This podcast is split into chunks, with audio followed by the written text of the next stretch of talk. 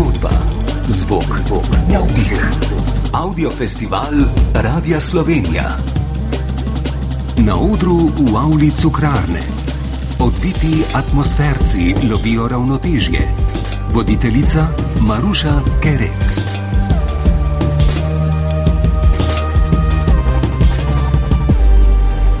Dober večer, cukrarna. Jaz sem Maruša in to seveda ni odbita dobita, ker bi Anžeta opazili.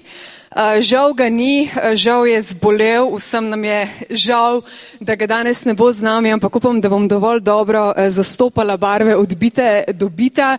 Uh, brez dvoma bo šlo dobro, ker sem izbrala pač dobra gosta. Uh, Nina in Ciril, Nina Gaspar in Ciril Komotar. Dobrodošla na audio festivalu. Živijo. Dobro večer, zdravo. Počutje uh, smo vas zvabili pač na drugo stran mikrofona, torej kaj treme. Um, super mi je, uh, upam, da ste v redu razpoloženi še vedno. Uh, drugač pa, jaz sem v bistvu kar uh, malo metulčke, priznam, pa vesela sem po eni strani, sicer ful bi bila vesela, če bi vam že tukaj, pa še ostala dva atmosferca, ampak glede na to, da sem jaz sama, ko stvarjam podcast, se mi zdi tole edino fair. Jaz moram zdaj priznati, da se najbrž počutim še malo bolj, um, tako bom rekel, morda sem celo jaz kriv, da že ta danes ni tukaj, ker smo prejšnji teden snemali skupaj podcast atmosferci, pa se mi zdi, da sem bil jaz mal nahoden. jaz sem že Hvala, ok. Njega pa ni tukaj. Dobro, bo- bomo, bomo poskušali, no takole, ampak uh, dobrodošli še enkrat vsi vi, uh, lepo je videti poslušalce treh, uh, bom kar si drznila reči prepoznavnih uh, podkastov in vas pohvalila že kar takoj na začetku. Uh, odbite, dobite, kot veste, podcast 2202, ki sodobne tehnologije umešča v prostor in čas. Atmosferci pripovedujejo zgodbe uvinkov in zavore treh avtomobilskih sanjačev. Prav je, da poleg Cirila omenimo še eh, avtorja, to sta Saša Kapetanovič in Jure Gregorčič. In eh, podcast Lovim eh, ravnotežje, podjetniški podcast, ki odpira prostor iskrenim in raznolikim pogovorom. Um, ko nas takole pogledam ali pa uh, preberem, uh, zdi se, da nimamo veliko skupnih točk, niti skupnih uh, poslušalcev, nagovarjamo nišne publike, z ne nujno mainstream uh, temami, ampak um, imamo zvesto publiko, tudi če vsak svojo. Skratka, uh, uspešno smo zgradili podcast skupnosti uh, in zato je naše glavno vprašanje za nocoj, kako nam je to uspelo. Ciril, zakaj bi slovenska javnost potrebovala podcast o svetu avtomobilizma? A ste si to vprašanje sploh zastavili, preden ste začeli, preden ste postali uh, priljubljeni? Uh, v resnici ne. Je že res, da smo vsi tri avtomobilski novinari s precej dolgim stažem, ampak uh, zdaj jaz najprej pravim, da smo nekako vsi tisti, ki nam je mar za avtomobile, za mobilnost, za tehniko nasploh. Uh, Slovenci smo narod tehniške kulture in to je, se mi zdi, da tisto naše bistveno poslanstvo. Zdaj pa, če govorimo o avtomobilih, o mobilnosti ali pa tudi o ljudeh, a veš, kaj si rekla, a se naše um, oziroma a se naši poslušalci križajo. Jaz upam, da se. Se podcast je znam potem, da, da zna doseči eno širino, ki je mogoče kakšen vlog ali pa ki je podobnega uh, preprosto ne zmore. Mi stremimo k temu, da povabimo pred mikrofon tudi ljudi, ki si mogoče na prvo žogo uh, nimamo kaj dosti zapovedati, um, pa se pol običajno zgodi ravno nasprotno. Tako da ja, mi se radi pogovarjamo o avtomobilih, pa o tehniki, pa o vseh tistih stvareh, uh, ki jih poganjajo, pa štromu, pa benzinu in tako naprej, ampak uh, v osnovi se pa sam zelo radi pogovarjamo uh, z ljudmi. Tako no. Nina, zdi se, da podjetniški eh, podcasti imajo v štartu vsaj malo več možnosti kot neki še bolj nišni, uh, naprimer kot sta tehnologija in avtomobilizem, ne nujno, ampak seveda priljubljenost uh, neke vsebine podcasta absolutno ni samoumevna. Uh, o čem si razmišljala pred prvo epizodo?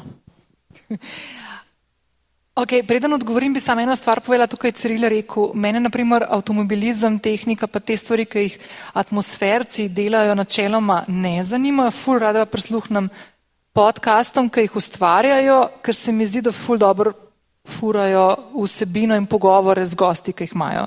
Naprimer, tako, to je že klasičen primer tega, kar je Cili rekel, jaz tudi definitivno grem na njihov podcast in poslušam marsikašno epizodo. Kar se pa tiče podcasta Lovim ravnotežje, če, sem, če se zdaj predstavim mene štiri leta nazaj, ko sem začela razmišljati o tem, jaz sem podcast ustvarila mal egocentrično, zato ker sem si ful želela določene tematike odpirati, ki jih nisem v našem prostoru takrat še slišala.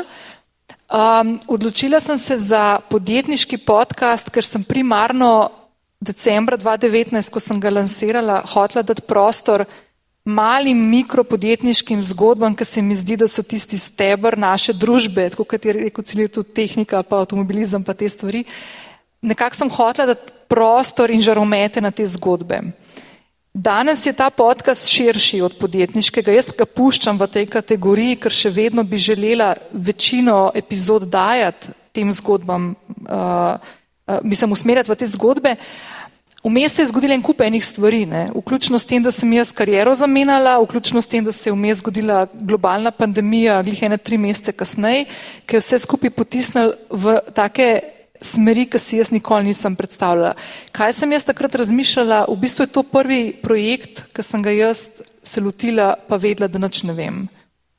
Tako zelo iskreno. Uh, kot ne, največji ziharaš, pa kontrol freak, sem šla prvič v življenju v en projekt, ki sem se ga zelo ljubiteljsko lotila in še danes neskončno uživam v tem, kar delam. Glede odbite dobita, nisva imela dileme o tem, ali je neka mogoče nišna vsebina tehnologija, ki ne nujno zanima vsakega državljana, um, primerna za javni radio, ker uh, je absolutno nujna in tudi v uredništvu eh, pač tu ni bilo nobene dileme. Se pa spomnim, da eh, ne da je bila takrat težava, ampak je bilo vse malo čudno, da nek sproščen format, eh, kjer strokovnjaki, doktori znanosti ali čisto navadni Eh, ljudje v etru nacionalnega radija eh, kramljajo, da se z gosti tikamo in da se tudi eh, ojoj kdaj smejimo.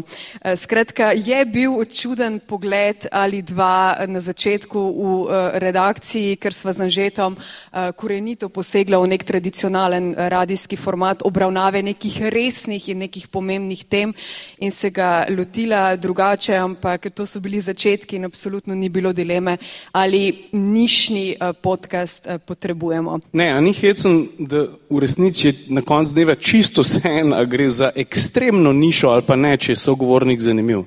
Mislim, za božjo voljo, mi smo imeli pred mikrofonom uh, dizajnerja super jaht, ki se prodajajo po pol milijarde evrov. Mislim, kaj je bolj nišnega na svetu od tega, pa so vsi hoteli ta podcast poslušati. Hočem reči, da jaz se s tem, kaj je nišno ali pa ni nišno, sploh ne obremenjujem in v osnovi se s tem zares ne obadamo čist nič. Pomembno je, če ima človek kaj zapovedati. Ker si rekla ti, Nina, si se posvečala majhnim podjetjem, ki tvorijo hrbtenico, ne? Eh, slovenskega gospodarstva. Ne? Kako se prej ali slej se v pogovoru zaletiš tudi na mobilnost pa avtomobile. Se, se ljudje se mi zdi, da se prepogosto ali pa vse pogostejš zavedajo ali pa začenjajo zavedati, koliko njih mehkih, srednje velikih pa mikropodjetij v Sloveniji je pravzaprav kar prežetih z sodelovanjem z avtomobilsko industrijo. Se to človek ne more verjeti. Jaz skoraj ne objavim ene vsebine ali pa enega vloga ali pa enega kontenta, da se mi pol nekdo ne bi oglasil, pa rekel, hej, Toyota si testiral, ja, mi pa značke delamo, un napis supra, pri nas nastane. Pa za BMW delamo, pa pripeljem Mercedesa na test, pa reče, ja, veš, da to je pa tale Gabriel aluminij, on pa dela pa za vse BMW, Audi, pa Mercedes te prikrivala aluminijska, ki so čez zvočnik, ki piše pa Burmester gor, pa tako.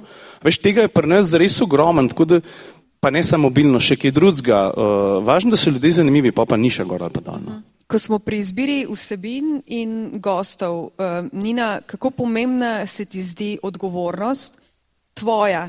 A veš, v, v, v tradicionalnih medijih bi bila urednica, avtorica, novinarka, producentka, PR-ovka neke vsebine, odaje, eh, zdaj si podcasterka, torej nihče odgovornosti od tebe ne zahteva. Razen seveda poslušalcev, morda ne vem, koliko se z njimi uh, o tem iskreno pogovarjaš, ampak um, v svetu podkastov je tudi veliko slabih ali pa neverodostojnih vsebin, seveda s poplavo uh, in priljubljenostjo nekega formata. Uh, to pride, to, to sodi zraven. Ali čutiš odgovornost do svoje publike? So pomembne vrednote gostov, ki jih povabiš? Ja, absolutno. Zdaj, um, mogoče ena stvar, prej sem omenila kontrol frika pa perfekcionista v sebi, pa mogoče lahko povem, da sem 20 let delala kot PR-ovka in sem obremenjena in počasi spuščam to, ta nadzor nad vsemi detajli v tem smislu, da pustim, da pogovor teče in tako naprej. Ne puščam pa tega, da v bistvu sem jaz ful zahtevna do tega, kar spustim v eter. To ne pomeni, da zdaj vsako besedo okrog obrnem desetkrat ali pa dajem mašnice gor. Je pa bistvenega pomena v tem, da jaz vsak teden, tako kot vi, ne, vsak teden dajem ven epizodo. Meni je najbolj pomemben čas, ki ga moje občinstvo podari mojim vsebinam, ali pa tako, kot je prej Ciril omenil, uh, tamle uh, sogovornika, ki je delal luksuzne jahte, ki mislim, da bi bil dve uri dolg pogovor in še mal čez, no tri, um, kar tudi pove svoje, kako to podcasti vzdržujejo lahko tako pozornost. Um, Jaz imam zelo veliko odgovornost do časa, uh, ki ga moje občinstvo nameni vsebinam, ki jih jaz pripravim. In zelo velikrat, mislim, zelo veliko energije usmerjam v to, komu omogočam, da ta čas nameni z mojim občinstvom. Tako da ja, absolutno se zavedam svoje odgovornosti, to mi je ful pomembno in nekoč, ko bom velika in ko si bom to lahko prvošla, si želim imeti tudi mogoče kakšno ekipo, kakšne stvari, kakšne, če gremo neke konkretnejše tematike, da tudi kakšne stvari preverijo, neke fact-checke delajo in tako naprej. Mislim, da zdaj sem imela ne dvakrat tak primer, ko bi bilo dobro, da bi kakšna stvar preverila, zato ker so potem se javljali mali ljudje z drugimi informacijami, pa da je bila kakšna stvar tako mogoče mal netočno povedana, kar se mi zdi tudi super, tako da je ta dvosmerna komunikacija z občinstvom. Um, ampak bi si želela nekoč uh, biti kot moji kolegi podcasteri, ki v tujini, ki imajo zelo velike ekipe, ki jim te stvari še zraven delajo, jih pripravljajo na vsebine in predvsem preden gre v jeter, preverjajo. Tako da, ja, ful pomemben. Uh uh, Ciril, kaj pa um, odgovornost do nekih tem? Avtomobilizem v dobi uh, podnebnih sprememb ko od odločevalcev pričakujemo, da so mesta bolj zelena, z manj avtomobili, z več kolesi, ko se v evropskem merilu zdi, da smo popolnoma nazadnjaški, ker vsak sedimo v svojem avtu in ker imamo obupen javni prevoz, ali o tem razmišljate? Ali se bojite, da bodo vaše vsebine za del javnosti popolnoma nepomembne ali škodljive, ali se s tistim delom javnosti pač ne obremenjujete? Ali boste drugo leto govorili samo o električnih avtomobilih? Ne, le, eh, kakorkoli mi pravimo, da smo bencinski bratje, pa nam sede tudi old school tehnologija. Dejstvo je, da je mobilnost, pa mislim ne samo mobilnost, da smo kar vsi na enem takem velikem razkrižju, razpotju, uh, kjer se je že, pa še veliko stvari se bo zamenjal. In mi tudi, če hočemo govoriti samo o V8 mašinah, se prej slej v praktično vsakem podkastu zaletimo tudi v, uh, dajmo reči, zeleno mobilnost v navednicah, kamor zdaj to je, včasih pa vse ni. Um, a veš, ne moramo pa pobegati od tega tudi, da Slovenija je na nek način zelo primerna za ekomobilnost, pa za štrom avtomobile, pa imamo čez 200 tisoč hiš, pa imamo možnost, uh, pa imamo veliko sončnih leg, pa, pa v osnovi vse te stvari bi pri nas lahko štimale, sam pol pa kupna moč trga ni dovolj velika, pa javni prevoz je uh, ponekod zares slab, pa počasen, uh, ne pa čist povsota. Ne? Um, pa mal je modno tudi voziti električen avtomobil, pa ne vem. Jaz tudi pravim, da električen avto tudi ni za vsadzga. No. Jaz se veliko vozim z Maribora v Ljubljano in polnilna infrastruktura na poti uh, je pomankljiva, slabo dela. V Ljubljani živimo v bloku, v Mariboru tudi živimo v bloku in kje ne zdaj z tega hodiča polnem. Um, tako da ja, vse čas govorimo o tem, um, tudi zato, ker so električni avti, uh, ne glede na to, koliko smo glasni, da imamo radi V8 Rumble, pa te fore, veš, uh, so super avti. Jaz sam sebe zelo lotem, kako uživamo v električnem avtomobilu, zelo kafino pospeš, pa je zelo odziven, uh, pa se zelo lepo pelejo. Mislim, mi ne bežimo od tega, pravzaprav to tematiko, ravno zato, ker ljudi toliko zelo zanima, hoditi še nas zelo zanima, kakšni odgovori uh, nas čakajo, A veš, v Bruslu se tudi mrske spiše, pa bolj premalo prever, pa nas bo pa 2,35 lopnal po glavi. Ampak vprašanje, kaj še bo, ko prihajajo, bom hitro zaključil. Sintetična biogoriva, pa, pa še mrske drugega, pa vodikne. Tako da mi ne bežimo od tega. Mi govorimo o elektromobilnosti praktično vsak podcast ne bom ti še postila, da zaključiš, ker mene tudi te stvari zanimajo. Uh, kaj je največji mit, ki se drži električnih avtomobilov v Sloveniji? Po mojega, kot avtomobilistični novinar z res bogato dolgoletno kariero, slišiš kakih neumnosti ali smešnic uh, na ne. dnevni bazi? A veš, kako je zdaj s tem? Samo to bom rekel. Vsak ima enega strica, ki pravi, moj pa sad gre pa 1200 km do Dubrovnika, pa nazaj grem. Ne? To je zdaj tako, ja, da, dober strdi, da se bo vedno daleč pelov, uh, pa se mi zdi, da so ljudje kar malo ogrožene počutijo ali pa počutite uh, zaradi vseh teh električnih avtomobilov, ki prihajajo. Prvič, še vedno imate izbiro, um, drugič pa pač električen avto ni za vsakogar. Tisti, ki se ga pa umisli, to se pravi primeren kupec električnega avtomobila, pa teh težav s polnjenjem, ki jih tako vsi, vsi poudarjajo, sploh nima. Težave s polnjenjem električnih avtomobilov imamo vsi mi, ki nismo primerne za njih, ker ni vsak primeren za tako mobilnost. Ne? Tako, ker ni vsak za na elektroskuter stopiti. Veš, dva na leto mreta pri nas za to. Hočem reči, da kdor pa ima električen avto, pa si ga kupi, pa na letni bazi za polnjenje porabi manj časa kot voznik, ki tanka benzin ali pa dizel. Sam to, da boste vedeli. No. To je pa fakt. Nina, gremo naprej s kolesom. Največkrat v svojih epizodah izpostavljaš, da si v stiku s svojimi poslušalci, poslušalkami prek Instagrama. Torej, kje in kako graditi uspešno podcast skupnost je za vse, ki se ukvarjamo s kakršnokoli vsebino ali z ljudmi, ki jih nagovarjamo, seveda temeljno vprašanje. Um, kako se tega lotiti? Moraš poznati svoje ljudi, pa se potem odločiti za platformo, moraš vse poskusiti, pa čakati, kaj rata, se moraš konstantno prilagajati algoritmov, ki se spreminjajo v stotinki sekunde. Kot kontrol freak, kot PR-ovka, zdaj predvidevam, da imaš, eh, da imaš nek načrt, ki se ga držiš. No. A, ne, nimam ga. Spisan, ne, ne, ne, nimam. V bistvu, ne, nimam. Če bi se tako lotevala svojega načrta, mislim, svojega projekta, eh, ki sem bila še v tem, bi po mojem ga zgubila. Kmal. Ne, zelo grem po, po navdihu, pa tako. Jaz sem ta omrežje vsa uporabljala že bistveno prej.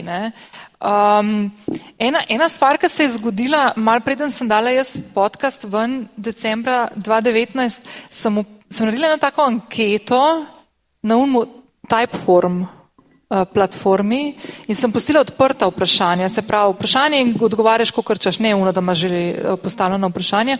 In sem jim um, mojim sledilkam, sledilcem, pretežno so to sledilke, uh, ponudila, da pač odgovorijo in se mislim, da se jih je tako ene 250 lotal tega, ampak bolj pomemben podatek je, da je bila povprečen čas izpolnjevanja, mislim, da je bil 45 minut.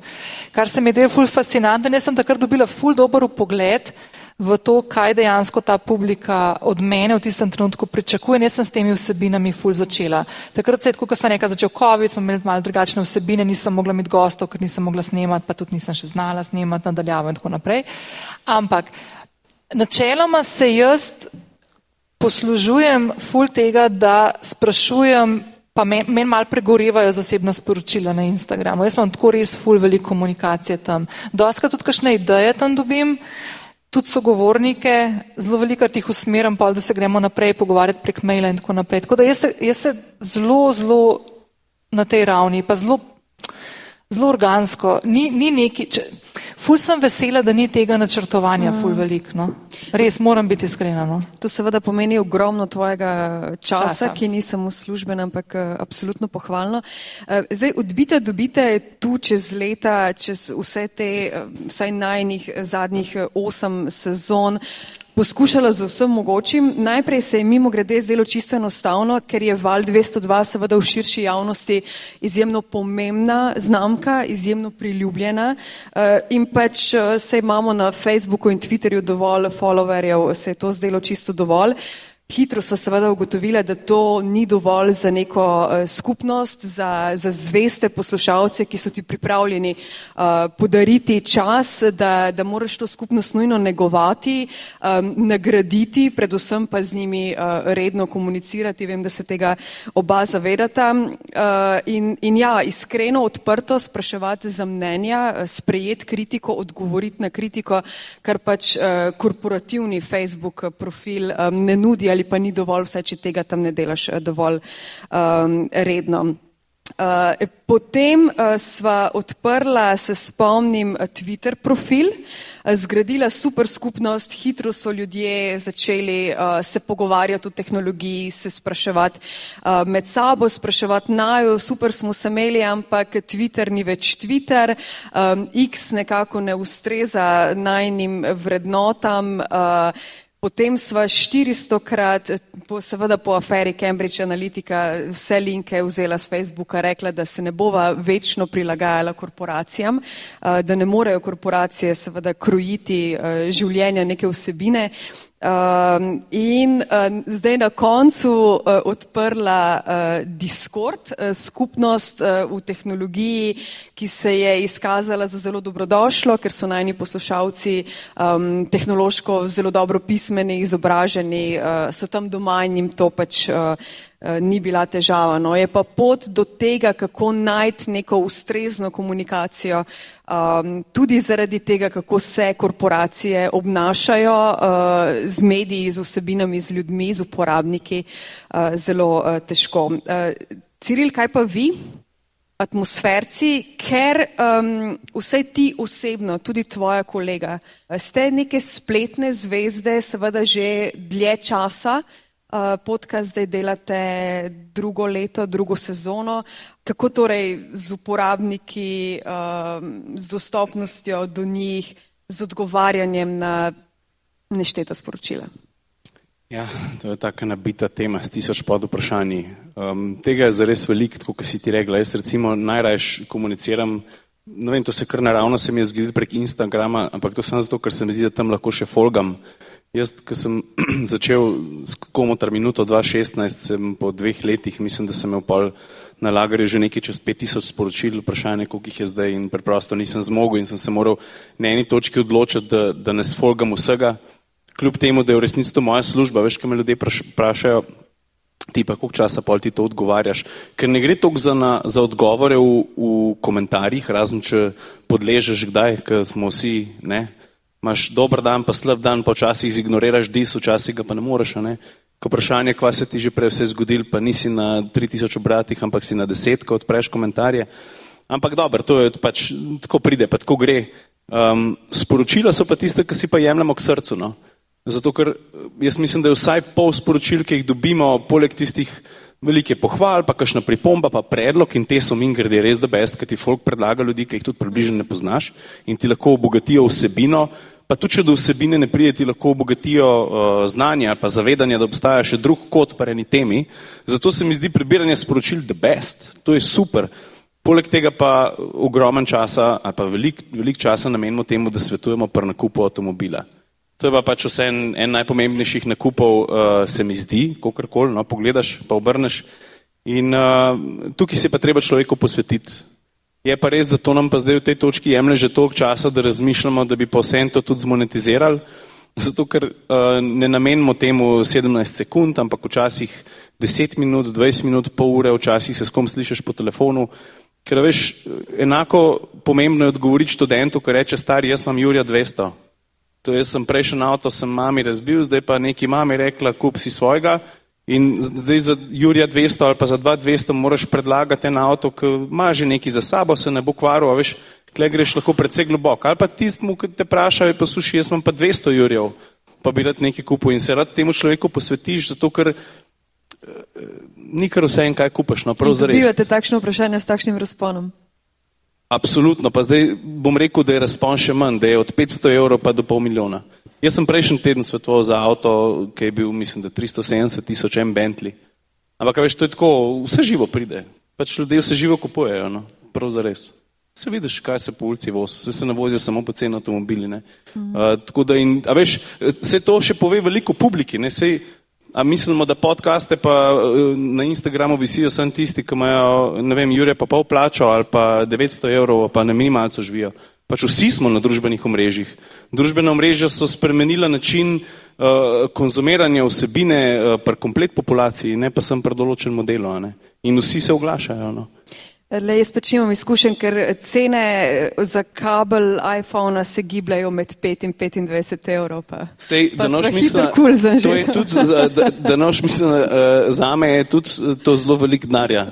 Uh, ne, operi, ne operiram lahko pol z besedom, ki nekomu treba reči, da je rajš tega, ka unga, pa je razlika, že sam razlika v izbiri, ne vem, 50 jurjev. No. Ej, ampak samo ena stvar, ne, to Ciril je ful dobro izpostavil še to, da Zberemo si tiste platforme, ki nam ustrezajo. Jaz, na primer, zdaj le ful si želim ugrizniti v TikTok, pa ne vem, če mi bo ratal, ne? Hmm. Zelo iskreno, ker ne vem, pač ne bom rekel, da sem prestara, ampak mogoče. Um, ne štekam tega kanala, ne? Ja. Naprimer, Twitter sem un, OG, ne?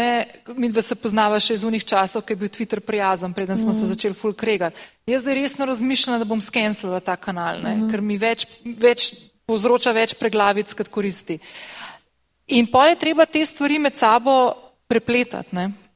Absolutno, ampak to tako zveni, da si bomo zbrali samo tisto, kar imamo radi in tiste, ki nas imajo radi in da bo vse lepo. Kaj torej uh, s kritiko? Absolutno, jaz se, se verjetno strinjamo, da jo moramo uh, naslavljati, na njo odgovarjati, jo vzeti resno. Kaj pa uh, sovražnimi komentarji? Nina, gostila si trans žensko, kaj se zgodi potem? A te ljudem odgovarjaš, a jih poskušaš prepričati, da njihovo mnenje vendarle morda ni pravilno ali pa dobrodošlo v tem svetu. Kaj, kaj s temi poslušalci? Zdaj vam jaz, ki ne nujno dobro moram iskreno ja. zdaj povedati. Imela sem trans moškega in imela sem trans žensko in njeno ženo, ki sta kljub njeni tranziciji ostali skupaj. Jaz nisem dobila Razen Twitterja, pa ne vem, če tam kaj bilo mogoče, ampak na Twitterju se ne odzivam. Na te primitivne komentarje imam politiko svojo neodzivanja. Na ostalih kanalih nisem dobila niti enega slabega komentarja. Pa še eno stvar moram tukaj, kar si prej rekla o odgovornosti. Jaz zelo velikrat govorim tudi o tej odgovornosti, da smo spodobni, da spodobno komuniciramo. Me, jaz nimam problema, če se nekdo z mano ne strinja, sploh ne ampak povej to na normalen način. In jaz poskušam tak način komuniciranja peljati tudi, ko jaz pripravljam vsebine. In mislim, da s tem mal zapiram prostor za te, za, za take ali napade ali komentarje, ki, ki mislim, da nimajo, nimajo smisla. No? Uh, tako da niti enega, niti enega slabega komentarja. Moj brat tudi ni dal šanko pizzerijo, ker ni hotel pijančko, veš. Moš malo naprej razmisliti. Ne, hočem reči, da to je tak čist praktičen primer. Ne, imaš prav, tako, ker se ti obnašaš, eh, pol to veliko ljudi za sabo potegne, pa se pol oglasijo ali se pa ne oglasijo. Ne. Um, je pa, je pa vseeno včasih težko, zato ker dobiš tu ne padalce, ki jim je čisto sen, pa veš, da so se itek prišli sem krega, to resnic pa nač rešiti. Ne. Ja, ampak to, to, to imam jaz konkretno, mislim jaz, se po mojem imamo to vsi, večinoma na enem omrežju. Mislim, da ta koncentracija tega načina komuniciranja je tam. Jaz sem se odločila, nažalost, jaz bi fura, da komunicirala pa debatirala pa vse, ampak določene platforme več kot očitno tega več ne omogočajo. Če hočeš ostati zdrav, pa se do, vsaj približno dobro počutiti, pa zvečer normalno zaspati, je včasih dobro, da kašnih komentarjev. Jaz daj kakšno kolumno. Jaz sem imela primer, naprimer, mislim, da polete enkrat sem dala eno kolumno ven in se je pogrom zgodil. Jaz sem se obljubila, da teh stvari ne bom brala. Res iskreno, zato ker ni point v tem, da pol sebe sekiram še en teden. Plus, ena od najboljših uh, citatov, po mojem si ga enkrat prebila na steno, lepo oblikovala pa tako, je, mislim, da je Oprah Winfrey enkrat rekla, da si ne zasluži vsak tvojega mnenja slišati. In jaz se poskušam tega držati. Um, ko govorimo o komunikaciji s poslušalci, poslušalkami, uh, kako je videti poslušalec, poslušalka podcasta Lovim ravnoteže in atmosferci? A se o tem sprašujete pred snemanjem, med snemanjem, po snemanju, a si uh, tega enega ali skupino ljudi kot ustvarjalca kdaj predstavljate? Škaj, jaz sem se že s toliko ljudmi srečal na ulici, ki pravijo, da spremljajo ali poslušajo atmosferce ali pa da spremljajo komu ter minuto, da sem že zdavno njihov fantazirati, kdo je na drugi strani, ker te res vse živo preseneti v pozitivnem smislu. Jaz se spomnim, da je komu ter minuta laufala po moje leto, dve, pa sem prišel tam poleg Miklauža, kjer sem prej živel na Dravskem polju, je še en manjši kraj Rogoza in tam vedno z avtoceste dol zapelem. In tam imajo en mikromerkator, tako res mehen je, pa ponovadi sta dve prodajalki, 50 plus. In una sta starejša od obeh, ki je pa 65 plus, se mi zdi, da je bila tik pred penzijo, je rekla, dober dan, gospod Komotar, kak imate vi fajn vlog? A veš, vse živo te preseneti, tako da jaz, kaj pa jaz vem, se lahko rečemo ja, pa da poslušajo uh, najbrž, imamo več, ali pa zagotovo je več uh, moškega spola, um, fantov pa moških, ampak vse živo. No? Se, se mi pa zdi, da je seveda odvisno tudi od osebine. Ne? Jaz, kadarkoli se mal hecam, pa pol to veliko ljudi zelo razjezi, kdaj kakšen video objavim na Instagramu, kaj skuham, ne? Kaj bog ne dej, da bi to objavil. Ampak takrat se pa oglasijo vse tiste, jaz imam 25-75 eh, ženske moški, takrat se pa ženske oglasijo, pa pol komentirajo. Pa ne, ne da bi hotel generalizirati, Eh, da sam zato, ker sem pa za šporge, tam pa se ženske glasijo, ampak pri meni je očitno takrat in to vedno pozitivno, da preletijo s komentarji pozitivnimi, ne samo ženske, ampak tako se mi takrat zgodi, tako da vse živo dobiš. Vse najbrž je pri tebi podoben, da te kdaj preseneti da prav kdo, da posluša, pa si ne bi mislil. No. Ja, uh, jaz imam kontra, jaz sem po mojem tam 90 odstotkov na podkastu, 90, ne, na podkastu mogoče okrog 80-20 uprit žensk, na Instagramu imam 90 odstotkov proti 10 odstotkov moških, ampak jaz sem imela zelo dolg časa na podkastu, sem v ženskem spolu naslavljala vse, zdaj sem šla malo v boje. In jaz sem bila ful prijetno presenečena, ko so se javljali moški in rekli, da jih v bistvu ne modo, da jih v ženskem spolu nagovarjam, kar se mi je zdelo ful fascinantno in sem bila ful ponosna, da imamo take krasne moške uh, v naši državi. Drugač pa, ja, jaz sem imela primer prejšnji teden, ko je pristopila na enem sprejemu ena starejša gospodi, gospa do mene in uh, hotela zmotiti, da bo nekaj rekla in jaz sem si že tako mislila v glavi, kakšen pogovor bo zdaj se odvil in kaj bo zdaj želela Nisem si mislila, da bo slišala podcast in mi je povedala, da je zdaj avgusta slišala za moj podcast od bivšega veleposlanika Finske, ki je bil v Sloveniji. In mi je danes mail poslala in sem ugotovila, da dela v uradu predsednice uh, kot svetovalka za človekove pravice in podnebje. Ko ful te preseneti, kam vse sežejo neke vsebine, od nekih, ne vem, uh, študentk ali pa mladih punc, ne vem, meni je fully všeč, ko se kakšna dijakinja oglasi, da razmišlja o tem, kaj bi s svojim življenjem naredila, naprimer, kjer pot bi zbrala, ker jaz pri 17-18 letih definitivno nisem o tem razmišljala, tako da je full fine, ja. Midva sicer uh, verjameva, tudi veva, da imamo vedno več ženskih poslušalk, ampak si absolutno ne laževa, da je tehnologija še vedno zelo, zelo, zelo moški uh, svet. Isto stereotipno bi jaz rekla, da, da, da atmosferce poslušajo uh, moški ali samo moški ali pač večinoma moški in lovim ravnotežje samo ali večinoma ženske. Uh, zdaj stereotip tip ali ne, uh, a poskuša ta uh, v svojih vsebinah uh, spolno, načrtno teme ali goste uravnotežiti. Um, jaz lahko priznam, da, da mi dva to počneva. Jaz sem si po nekaj sezonah zadala nalogo, da v tem podkastu mora biti več žensk, uh, strokovnjaki in gosti, ker uh, lahko o tehnologijah seveda debatiramo tudi ženske. Je pa zelo težko. Uh, ampak to počneva kar malo načrtno. Če so trije gostje, moški, so že tako, aj kje kakšna ženska, lahko prosim, dejva kako temo na stran, samo zato, da zdaj pride kakšna ženska in potem gremo z naslednjo temo naprej. Ko uh, je pri vama s tem um, spolnim uravnoteževanjem? Uh, jaz moram priznati, da um, do zdaj, pa tudi bomo videli, kako bo naprej, uh, zagotovo nismo najprej ali pa aktivno gledali, uh, da bomo imeli tudi kakšno žensko, ampak smo najprej gledali po um, področjih, ki nas zanimajo. In seveda, če z tistega področja kdo predlagal ali pa smo videli, da eh, bi utegnila biti zanimiva gostja, eh, smo jo seveda povabili, tako kot smo imeli dve pilotki policijskega helikopterja, pa smo imeli na dlani najprej dva pilota.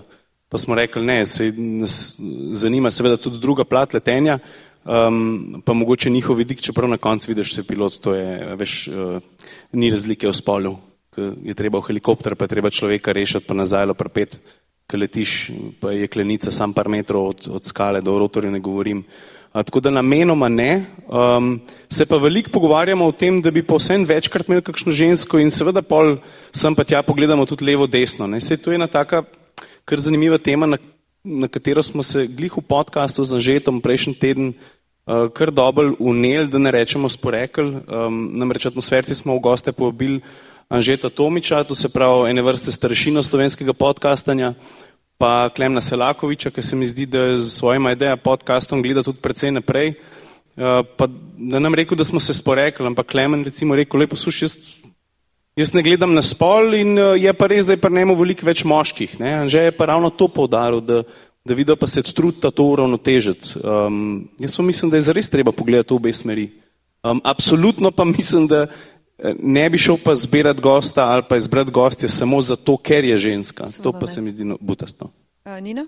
Mislim, zdaj, kot ženska, razumem in podpiram to, da je treba te stvari gledati in uravnoteževati. O, ne moram reči, da sem na prosti besedi. Težko je ja, uravnotežiti stvari, vem. Ja. ja, je težko, ampak veš, ko, ko si pa enkrat, tako, ko enkrat veš, da se ne vem v medijskem svetu pojavlja, vem, 75 odstotkov moških in da tvoja realnost skozi različne kanale kroji moški pogled na stvari, pa se začneš malo spraševati. Zdaj, pri meni je drugače. Jaz imam večinoma ženske sogovornice, ker bi to tudi na men. Moram pa zelo iskreno reči, da sem v zadnjem času uh, osebno fascinirana nad problematiko mladih fantov v družbi, ker se mi zdi, da se njim ne posveča dovolj pozornosti tudi pri nas. Uh, Zdaj le sem imela pred kratkim en krasen pogovor z Galom, ki ustvarja kanal Redko besedno, drugač pesnikom, ker sva se ful veliko o tem pogovarjala in bi ful rada odpirala prostor tudi za take pogovore, da pridajo mladi fantje in dekleta, no, ampak predvsem tukaj mislim fantje do nekega prostora, kjer lahko povejo, kje imajo zadrege, kje imajo zdaj izzive. Od tega, da imajo, ne vem, pomankanje moških zgledov, do tega, da ne znajo svojih čustev besedo, do tega, da imajo občutek, da ne vejo, kakšna je njihova vloga in mesto v tej družbi in tako naprej. Tudi ta del se mi zdi pomemben in zanimiv in absolutno potreben, da se usmer žaromete ven. Um, kaj sem vas še želela vprašati? Ja, kako gledate na konkurenco? A se temu v podcast svetu sploh reče konkurenca? To je taka beseda tradicionalnih medijev, bi rekla. Um, koga sicer uh, poslušata, spremljata doma ali v tujini? Uh, se torej po kom zgledujete ali koga dojemate kot uh, nevarnost? Oba sta bila že gosta na mojem podkastu, tako da jaz sem ful vesela, ker lahko svoje kolege in kolegice povabim. Ne, načeloma meni se zdi uh, okolje, slovenski, slovensko podcast okolje tako zelo neslovensko. Se mi zdi, da se tako ful podpiramo. Ti si zdaj rekel, da si imel klemna in anžeta. Uh, meni se zdi to ful fajn, no, da se prepleta. Drugač pa jaz zelo rada poslušam slovenske podcaste. V zadnjem času sem malo te politične padla, umetnost možnega, ki smo ga danes že lahko poslušali, ali pa še LDGD, pa tako naprej, uh, pa tudi velik tujih. No. Um, tako da ves, se pa veselim, prej smo imeli bivšega predsednika tukaj. Jaz sem bila ful vesela, ker je na znanu podcast. Um, ga ne poslušam, mogoče kar mal veliko smo že njega slišali, ampak mi je ful všeč, mi je ful všeč, ker sem rekla tako, če ne drugega, on bo eno publiko propelal na ta kanal, ki mogoče do zdaj še ni bilo. In meni je to super moment, da tudi taki ljudje pridajo in ustvarjajo te osebine, potegnejo noter ljudi, ki mogoče tega kanala še niso prej poznali. Jaz recimo pogrešam še kakšnega avtomobilskega vlogerja, ne? sem mislil, da, bo, da, bo, da bo tega kaj več rad ali pa se ni zgodil.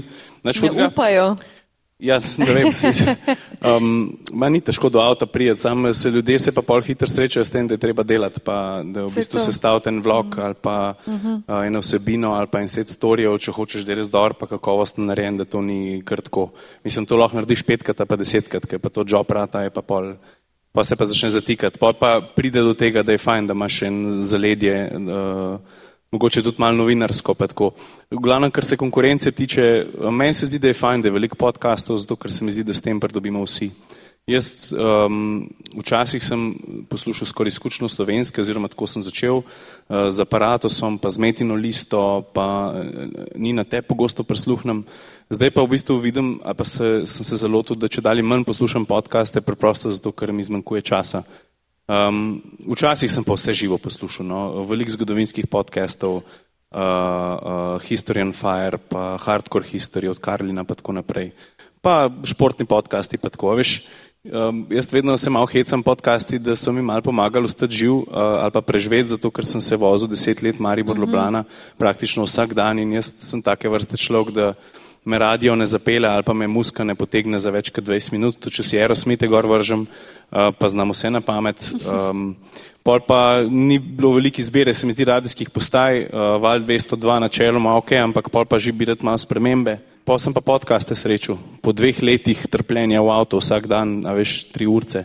In so mi pomagali ostati zbran um, in, in to je to. Pa smo pa hoteli začeti snemati že full prej atmosferci. Sam sem videl, da bomo fajtali isto, kar sem jaz z vlogom fajtal, pa da bomo najprej ljudi naučiti, kaj je sploh to podcast, pa sem rekel, dajte vi vsi to narediti, pa pa kaj bojo ljudje že uh, preurali, kakšno ledino bomo pa mi uleteli in smo pa počakali. Uh, zdaj pa ne rabim razlagati, kaj je podcast, kot sem rabo razlagati uh, sedem let nazaj, kaj je vlog, sem rekel, ne, rab, ne rabim še enega tazga fajta. Uh -huh. In se mi zdi, da smo se prav odločili in zdaj smo danes tukaj, ne? pa govorimo o podcastih, a ni da best. Ja, upam, da je, ker sem vaju že spraševala v kritikah in komentarjih, uh, kaj pa uh, samo kritika. Um, ker spet je Nina omenila, da, da je sicer kontrol freak in, um, in perfekcionistka, ker uh, Ciril si toliko časa na sceni in si uh, izjemno uspešen, uh, seveda zaradi kakovosti avtomobilistični novinar skozi celo kariero, uh, ker veš, kaj pomeni zrezati vlog na minuto ali 30 sekund ali 8 sekund ali koliko imamo zdaj še samo pozornosti, ko na spletu nekaj vidimo. Ali pri podkastu razmišljate potem podobno s tem rezanjem, s tem, da smo se neki zmotili, da ni v redu, samo kritika? Ja, ne, dobrodošla pri podkastu odveč morda. Um, Jaz moram priznati, da mogoče sem mene, pa, pa, pa mogoče me enkrat kasneje to rekla, da je to kritika. Zdaj, zdaj mi je še fajn, pa mi je super, da mi je fajn. Jaz sem najbolj vesela, ker mi ni treba nič odrezati iz epizode. Meni je tako fajn ta kanal, ker lahko kaj zabluziš, pa je čisto ok. In najlepši kompliment, ki ga dobim od poslušalke ali kakšnega poslušalca, je, jaz imam pa občutek, da za sosedno mizo sedim pa prisluškujem pogovoru. Um, meni je to tako, um, se mi zdi, da sem se tako pozdravila tudi tega, zato sem prej rekla bivša, da sem se malo zdravila tega uh, iskanja popolnosti pa nadzora in tega, kar sem ga imela cel življenje čist preveč, tudi zaradi poklica, kar sem ga upravljala. Uh, je pa še ful stvari za zboljšati. Ne? Ful bi si želela, jaz bi si ful video želela vklopiti, ker se mi zdi tako mission impossible, ker gledam pol tlele atmosferce, ker ima to postavljen, ne vem, pač en kup enih stvari, ki se še da narediti. No, niti mogoče ne toliko long form, ampak mogoče bolj te klipe za druge stvari, pa za promocijo na drugih kanalih, ampak pride, ni, ni to nujno, fajn bi bilo, tako da prostora za rasti je še full velik. Jaz sem se mogel klekar mal prevadati tej situaciji s podcastom, zato ker pri vlogu pa pri kvikih, to so te videi, bolj pokončni format, krajša vsebina, ki jih delam zdaj dve leti, to je orto zregulirana osebina. Uh -huh. To je, a veš, jaz posnamem, ne vem, za pol ure materijala, pa, pa pol objavim dve minuti, ne, tle je res naseckano nulo in tukaj sem totalen kontrol freak, kjer, kjer se mi zdi, da norim, če me ena desetinka zmot, pa če flow ni dober.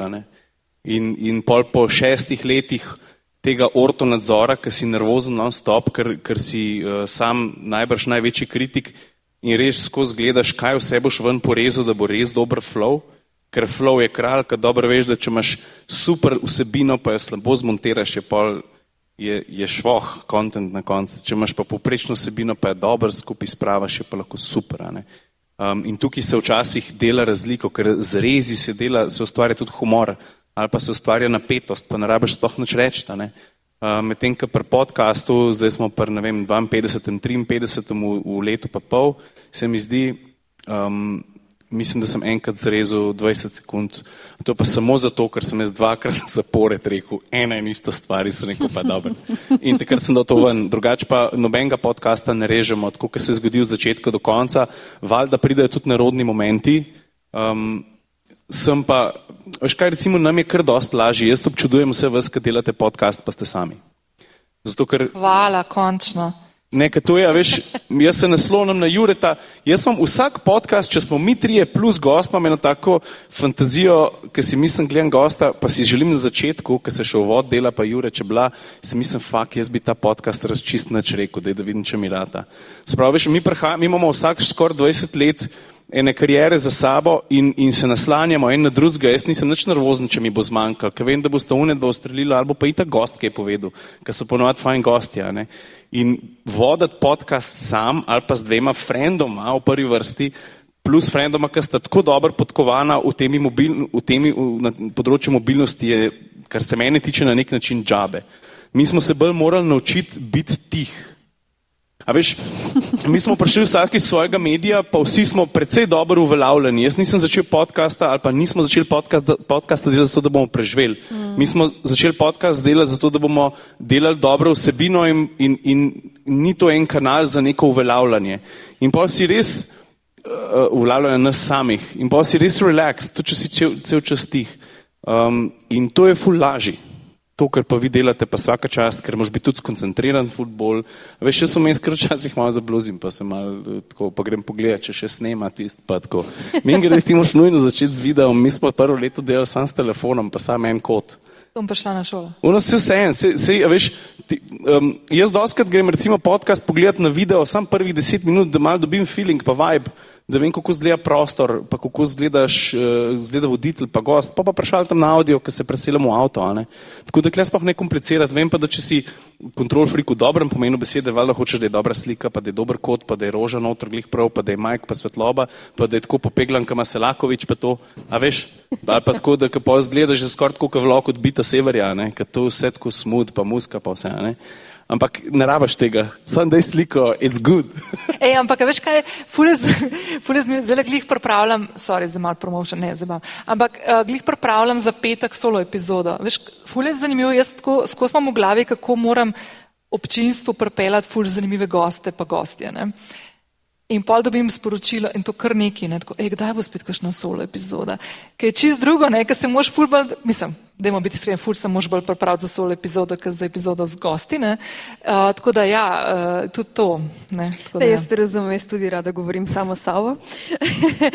ne, uh, k tej debati se raje ne bom priključila, uh, kar se tiče samo kritike, ker jaz sem tukaj. Uh, radijska šola nikoli zadovoljna, bolj ta uh, vlog moment, flow mora biti, tudi če bom vse šestokrat uh, obrnila na glavo, tudi če bom zrezala stotinko sekunde, flow mora biti, stotinko sekunde je treba vrč ven, seveda. Ja, nujno. Boli. Ja, ja, boli eh, tudi, um, ampak um, kar hočem povdariti je, da uh, Anže seveda bolj razmišlja uh, kot vidva in uh, potem se mi zdi kar dober, da se nekje uh, na pol poti najdeva in odbita dobita funkcionira. Uh, to je to. To je to. Nina Gaspari, uh, Ciril Komotar, zelo sem vesela, da ste si vzela čas. Uh, pozdrave tudi od Anžeta, seveda uh, se slišimo uh, v podcast aplikacijah, upam, da se tudi kaj vidimo. Vam vsem hvala za pozornost. Naročite se na lovim ravnotežje atmosferce, odbite, da bite. Hvala. hvala.